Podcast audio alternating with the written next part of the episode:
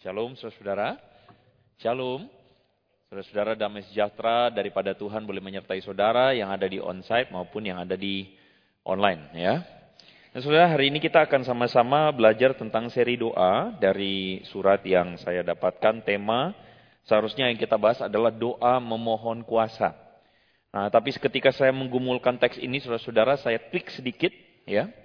Dan saya memberikan tema doa memohon kepenuhan ilahi. Efesus pasal yang ketiga ayat 18 sampai ayat yang ke-21. Saya mengajak kita untuk membaca bagian firman Tuhan ini bersama-sama saudara ya. Satu, tiga.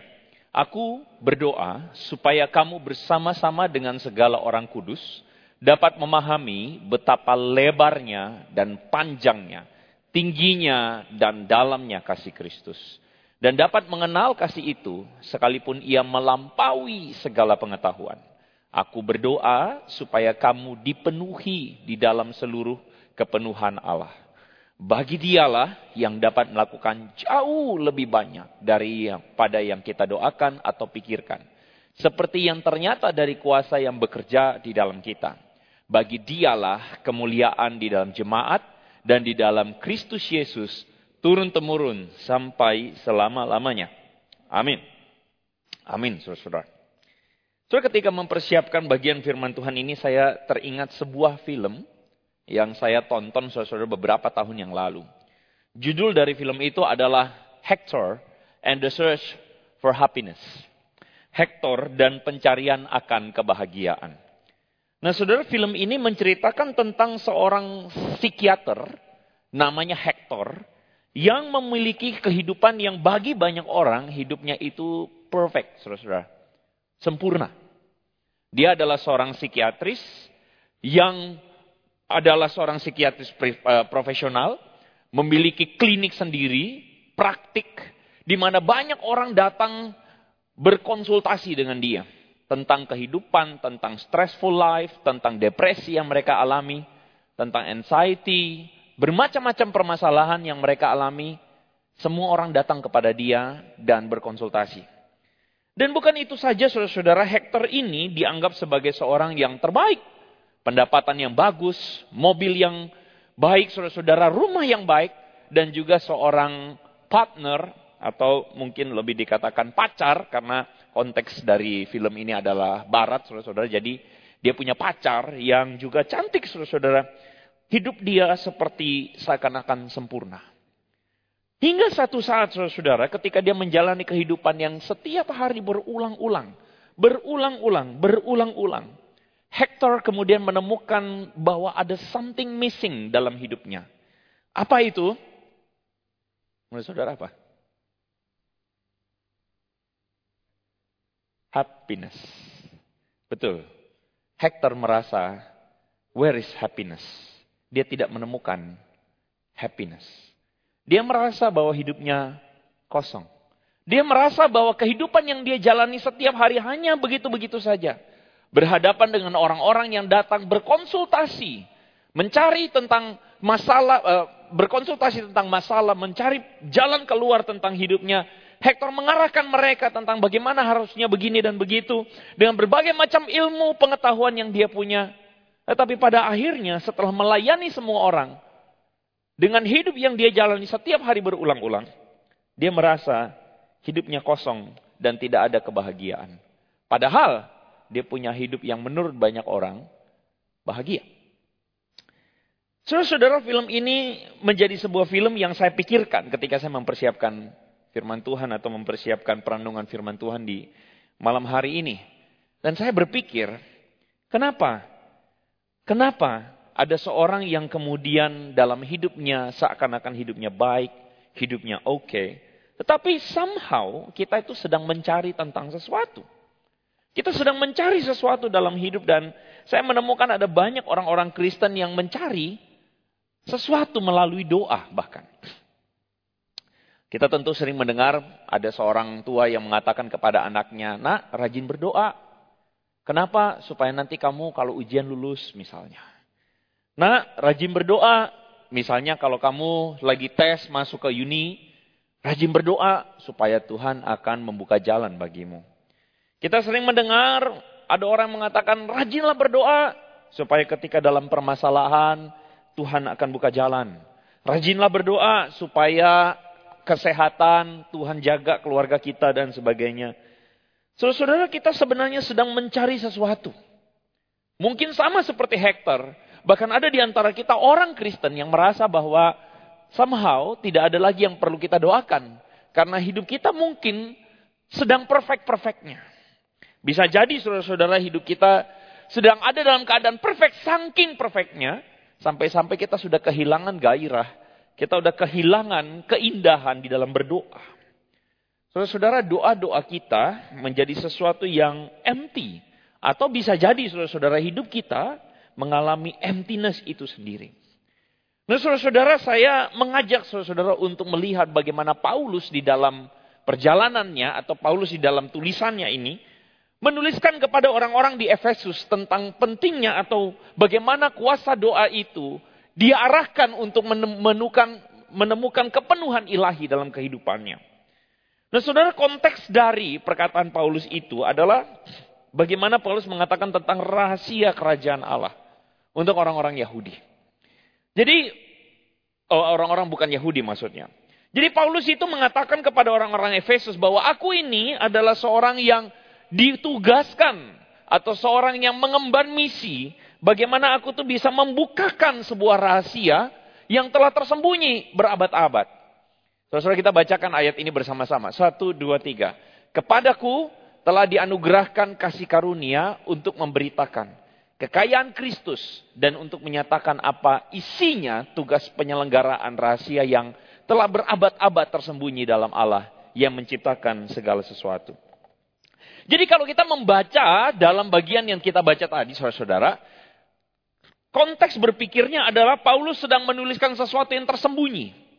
Paulus sedang menuliskan sesuatu yang tidak diketahui oleh banyak orang. Yang banyak orang mungkin sebenarnya sedang mencarinya tetapi tidak menemukannya. Dan inilah yang Paulus tuliskan bahwa aku menuliskan sesuatu yang secretly tetapi sebenarnya ini menjadi kekayaan yang kau bisa dapat. Kenapa demikian? Kalau kita baca saudara-saudara dalam ayat yang ke-13, Paulus mengatakan, rahasianya apa? Paulus bilang satu hal ini. Banyak orang hari ini terlalu biasa ketika hidup saudara ketemu dengan orang dalam masalah, tiba-tiba saudara-saudara, pasangan saudara pulang ke rumah, mukanya udah kelipet, saudara-saudara kayak pepaya. Iya kan? Saudara ketemu, oh, mukanya udah jelek. Saudara tahu, wah ini ada masalah. Saudara-saudara biasanya hidup itu up and down. Kita sering menemukan hidup itu sudah biasa kalau misalnya orang lagi bete, lagi bad mood, ya udah, karena dia kena masalah. Jadi dia bad mood. Saudara-saudara itu normal buat kita. Tetapi, bisakah kita pernah menemukan ada orang-orang yang ada dalam pergumulan, tetapi hidupnya mengalami kekuatan. Makin kena masalah, makin kuat dia. Wah, terus orang tanya begini, rahasianya apa? Nah, saudara ini yang terjadi dengan Paulus. Di ayat 13, Paulus mengatakan begini, Aku minta kepadamu, supaya kamu jangan tawar hati melihat kesesakanku karena kamu. Jadi Paulus itu menuliskan surat ini kepada jemaat Efesus ketika dia berada dalam penjara. Ketika dia berada dalam penahanan. Normalnya orang kalau ada dalam tahanan akan apa responnya saudara? Orang dalam tahanan akan stressful, orang dalam tahanan akan berada dalam kemuraman, putus asa, dan sebagainya. Barusan tadi saudara-saudara saya membaca satu artikel bagaimana seorang kalau saudara pernah tahu ada kasus kemarin seorang ayah yang maaf memperkosa anaknya. Saudara tahu kasus itu? Ada seorang ayah yang tega memperkosa anaknya sampai-sampai anaknya itu sudah aborsi saya lupa berapa kali gara-gara dia memperkosa anaknya sendiri. Saudara, orang itu digebukin sampai mati di penjara oleh kawan-kawan penjaranya. Hari ini keluar beritanya, mati dia, dihabisin di penjara. Saudara penjara menjadi satu tempat yang menakutkan sepertinya. Dan orang yang di penjara itu mengalami yang namanya mungkin depresi, hidup yang kasihan, hidup yang merana, hidup yang berada di bawah. Tetapi Paulus mengatakan, kamu jangan tawar hati melihat kesesakanku. Karena apa? Karena kesesakanku adalah kemuliaanmu. Dan di ayat 14 Paulus melanjutkan, itulah sebabnya aku sujud berdoa kepada Bapa. Saudara-saudara kalau saudara baca tulisan Paulus, saudara akan menemukan bahwa Paulus itu menulis tidak kayak lagi di penjara. Paulus itu menulis kepada jemaat Efesus, bukan seperti orang yang sedang ada dalam masalah atau depresi. Paulus menulis kepada jemaat Efesus bukan seperti orang yang sedang stres, tapi Paulus menulis dengan penuh pengharapan. Paulus menulis dari penjara dengan penuh pengharapan, dengan penuh kekuatan, dengan penuh kuasa. Dan dia katakan, aku berdoa supaya kamu mengalami apa yang aku alami. Saudara banyak orang ketika menghadapi situasi sulit atau menghadapi tantangan, biasanya orang terbagi responnya antara dua. Yang pertama adalah ada orang yang dikit-dikit ngomongin tentang permasalahannya terus. Ketemu orang ngomongin masalah. Ketemu orang ngomongin pergumulannya. Ketemu orang ngomongin problem. Menuntut untuk orang bisa mengasihani dirinya. Kenapa? Karena dia seakan-akan yang paling masalah. Si paling masalah. Kan begitu kan ya. Si paling menderita, saudara-saudara. Ada orang-orang yang menghadapi situasi sulit dengan respon yang demikian. Dan kita menemukan bahwa di dunia, di sekeliling kita, itu adalah respon yang normal. Kalau saudara sedang ada dalam masalah, maka responnya adalah mengasihani diri, merasa menderita, merasa sebagai korban, dan itu terjadi. Tapi, apa yang kita lihat dalam diri Paulus adalah dia menghadapi permasalahan itu dengan pengharapan. Pengharapan. Saudara-saudara, kenapa saya memberikan judul doa memohon kepenuhan ilahi? Saudara-saudara, gambar di depan ini adalah gambar lukisan yang dilukis oleh seorang pelukis bernama Rembrandt. Rembrandt von Rijn. Rembrandt ini saudara-saudara adalah seorang pelukis Belanda yang melukis scene di mana Paulus sedang berada di penjara. Kalau saudara perhatikan, Paulus gesturnya ketika dia ada dalam penjara itu gesturnya kalau saudara lihat ekspresinya ekspresi apa?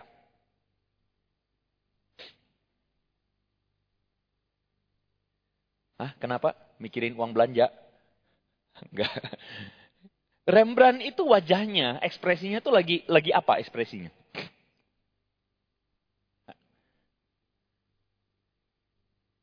Apa? Merenung, mikir, Mikirnya tuh mikir depresi atau mikir apa saudara? Sama sekali saudara tidak akan menemukan ekspresi depresi dalam dalam wajah dalam lukisan ini. Kalau saudara lihat tatapan matanya, Paulus itu seperti seorang yang sedang mikirin bukan masalahnya, tapi dia lagi mikirin apa? Dia lagi mikirin apa pesan Tuhan. Dia lagi mikirin tentang apa kisahnya Tuhan. Apa isi hati Tuhan buat jemaat.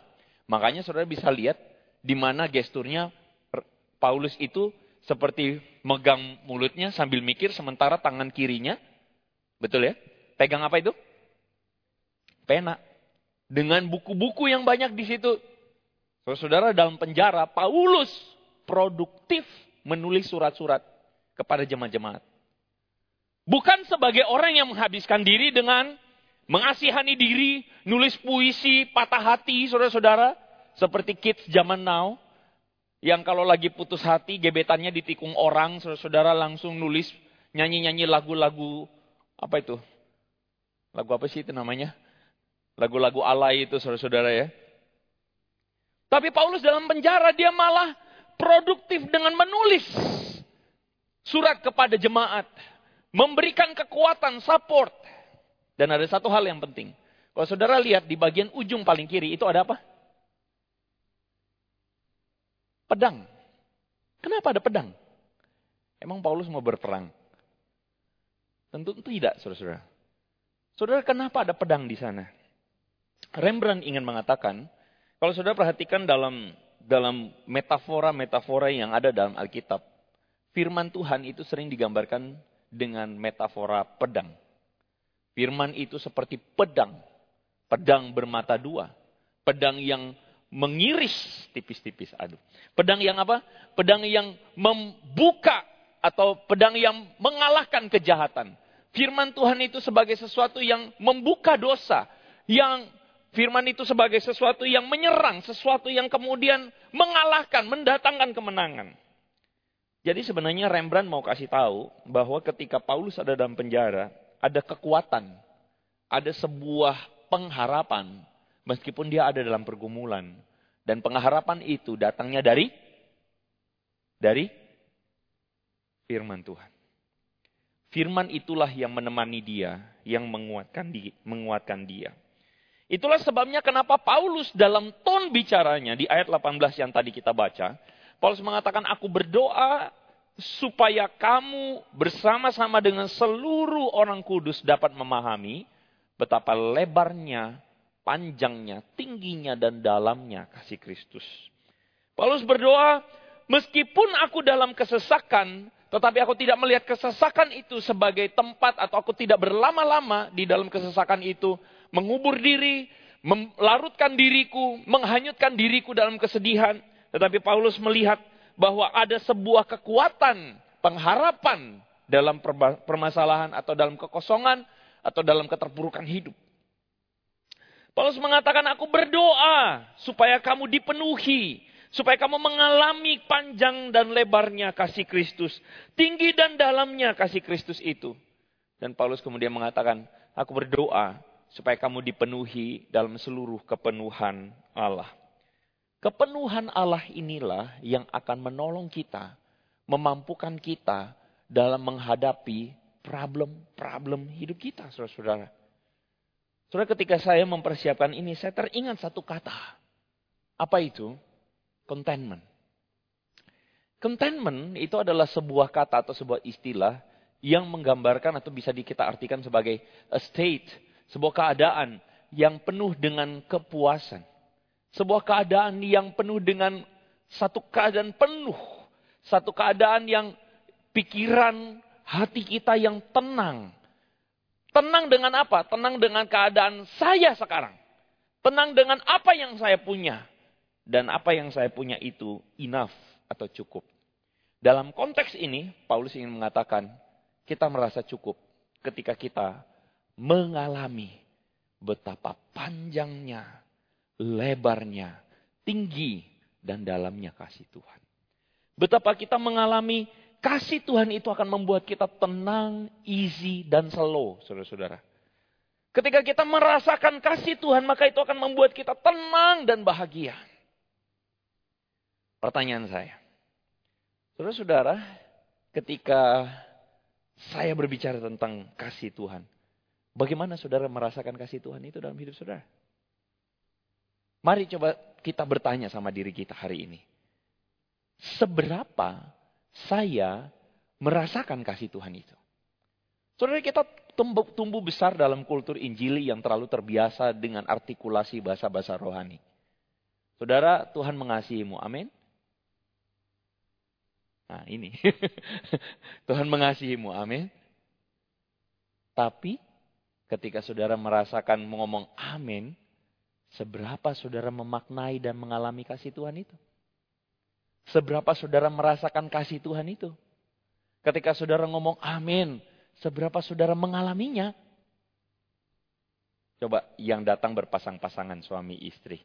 Boleh pegang tangannya? Boleh pegang tangannya? Eh jangan malu-malu, gak apa-apa. Biarin yang muda lihat supaya cemburu ya. Coba pegang tangannya. Lalu bilang aku sayang kamu.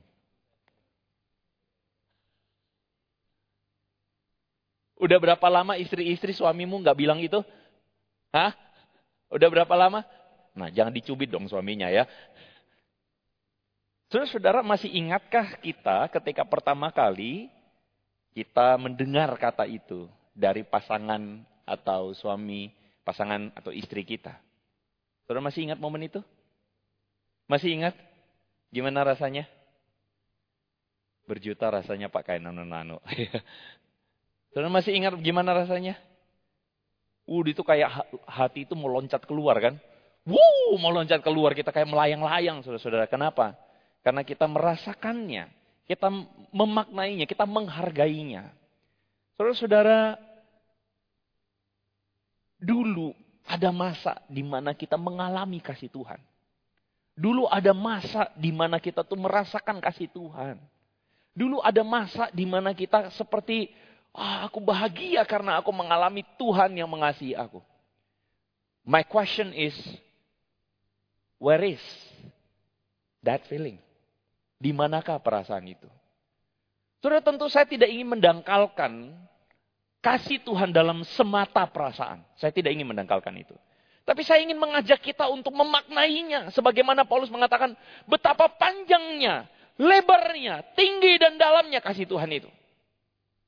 Tapi kadangkala saudara-saudara kita terlalu terbiasa dengan kasih Tuhan. Artikulasi-artikulasi kasih Tuhan itu terlalu terbiasa dalam mulut kita. Sampai-sampai kita lupa untuk memikirkannya. Kata orang, saudara-saudara, sepanjang perjalanan kita akan semakin merasakan kasih Tuhan. Yang normal adalah dan seharusnya adalah kita tuh betul-betul memikirkan kasih Tuhan itu. Dan itulah yang membuat kita content. Itulah yang merasakan atau membuat kita tuh akhirnya merasa cukup dan enough dengan everything yang terjadi dalam hidup kita hari ini. Saudara-saudara dalam film Hector and the Search for Happiness, ending dari film ini, saya kasih spoiler sedikit saudara-saudara ya, saya juga pikir saudara nggak akan nonton gitu. Tapi ending dari film ini, sudah setelah dia pergi ke seluruh dunia. Dia pergi ke Nepal. Dia pergi saudara-saudara ke India. Dia pergi mencari apa itu kebahagiaan. Dia pergi, pergi, pergi, pergi, pergi, pergi, pergi, pergi. Bahkan setelah dia mengalami affair, saudara-saudara, eh, jatuh cinta dengan perempuan lain, dia pergi keliling, keliling, keliling, keliling. Sampai pada akhir perjalanannya, saudara-saudara, dia tetap merasa empty. What is happiness? Singkat cerita saudara-saudara dia ketemu dengan seorang profesor. Dan profesor itu adalah profesor neuro, profesor saraf, ahli saraf.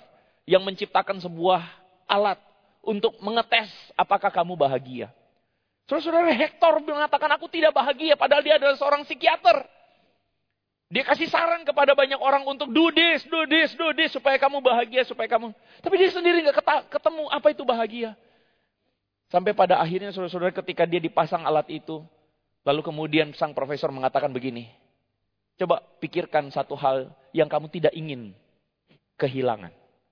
Kalau kamu tidak tahu apa itu kebahagiaan, pikirkan satu hal yang kamu tidak ingin hilang. Kamu akan sangat sedih ketika kamu kehilangan itu. Dan ketika dia pikirkan, dia teringat pacarnya. Dia bilang, kalau aku kehilangan kamu, hidupku akan sangat sedih. Di situlah baru dia merasa betapa aku sayang sama dia. Ternyata aku tuh sayang sama pacarku itu. Soalnya sekali lagi saya ngomong ini konteks filmnya film barat ya. Betapa aku sayang kalau dalam konteks kita. Betapa aku sayang istriku. Kalau aku kehilangan dia, habis aku. Kalau aku kehilangan suamiku, apa artinya aku? Ternyata selama ini kebahagiaan itu aku cari ke mana-mana. Ternyata adanya di sini. Gak jauh. Ternyata selama ini aku telah bersama-sama dengannya. Saudara-saudara, mungkin yang membuat kita akhirnya kehil merasa kembali disegarkan adalah ketika kita mencoba bertanya, bagaimana jika saudara kehilangan kasih Tuhan dalam hidupmu? Bagaimana jika kasih Tuhan itu terangkat? Bagaimana jika Tuhan mengabaikan aku? Dan bagaimana jika Tuhan tidak lagi peduli akanku? Saudara-saudara itu yang membuat Paulus kemudian mengatakan, kasih Allah itu enough. Kasih Allah itu cukup. Itulah kepenuhan kepenuhan di dalam dirimu. Supaya kamu merasakan betapa bahagianya, betapa indahnya. Ketika kamu terus memikirkan, merasakan akan kasih Tuhan. Saudara doa yang sering kali kita doakan, banyak saya perhatikan orang Kristen berdoa. Berdoa untuk A, untuk B, untuk C, untuk D. Which is good. Nggak salah. Dan kita menjadikan Tuhan sebagai tempat di mana kita berharap, berserah memohon.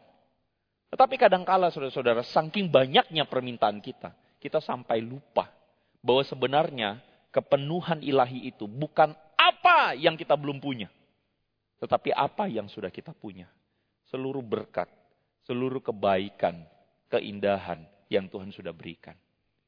Saya tahu saudara-saudara hidup kita berbeda-beda. Hidup kita ada dalam keadaan yang berbeda-beda.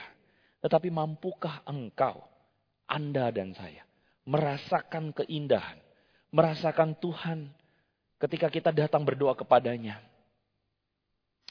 tidak ada yang lebih yang aku butuhkan selain engkau.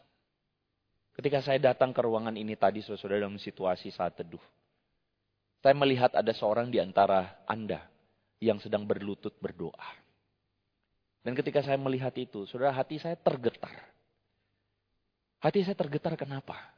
Karena kadang-kala saudara-saudara kita hanya menjadikan waktu doa itu rutinitas. Kita hanya sekadar datang berdoa ketika diperintah untuk berdoa. Mari kita berdoa untuk suku ini. Mari kita berdoa untuk ini. Terus baru kita berdoa. Tapi saudara, di manakah momen di mana engkau datang dan hanya datang bersujud pada Tuhan dan bilang, God, I need you. And you are the only one I need. Hanya engkau Tuhan. Karena jika aku kehilangan engkau, betapa habisnya hidupku. Betapa tidak tahu hidupku mau dibawa ke mana. Tuhan, I just want you. Please, fill me again. Penuhi aku sekali lagi dengan dirimu saja. Penuhi aku sekali lagi dengan kasihmu. Karena itu saja yang aku butuhkan. Tidak lagi butuh aku untuk berdoa untuk sesuatu yang aku tidak punya. Tetapi hanya engkau. Dan engkau kekuatan satu-satunya. Mari kita tundukkan kepala saudara, mari kita berdoa. Kami rindukan Tuhan. Supaya dalam kekristenan kami, kami bukan mencari apa yang sedang kami tidak punya. Kami bukan berdoa untuk sesuatu yang kami sedang tidak miliki. Tentu saja engkau adalah Tuhan yang mendengar doa-doa itu semua. Tetapi jauh dalam hati kami yang paling dalam. Tuhan yang kami butuhkan adalah kasihmu, kebaikanmu, dan engkau semata. Tuhan, kami tidak tahu dan berbagai pergumulan apa yang sedang kami hadapi hari ini. Tetapi biarlah engkau berbicara kepada kami bahwa sesungguhnya kehadiranmu itulah yang menguatkan kami. Menjadi pengharapan, menjadi pertolongan untuk setiap kami. Berkatilah setiap jemaatmu Tuhan. Pujilah namamu dalam nama Yesus. Kami berdoa. Sama-sama katakan. Amin.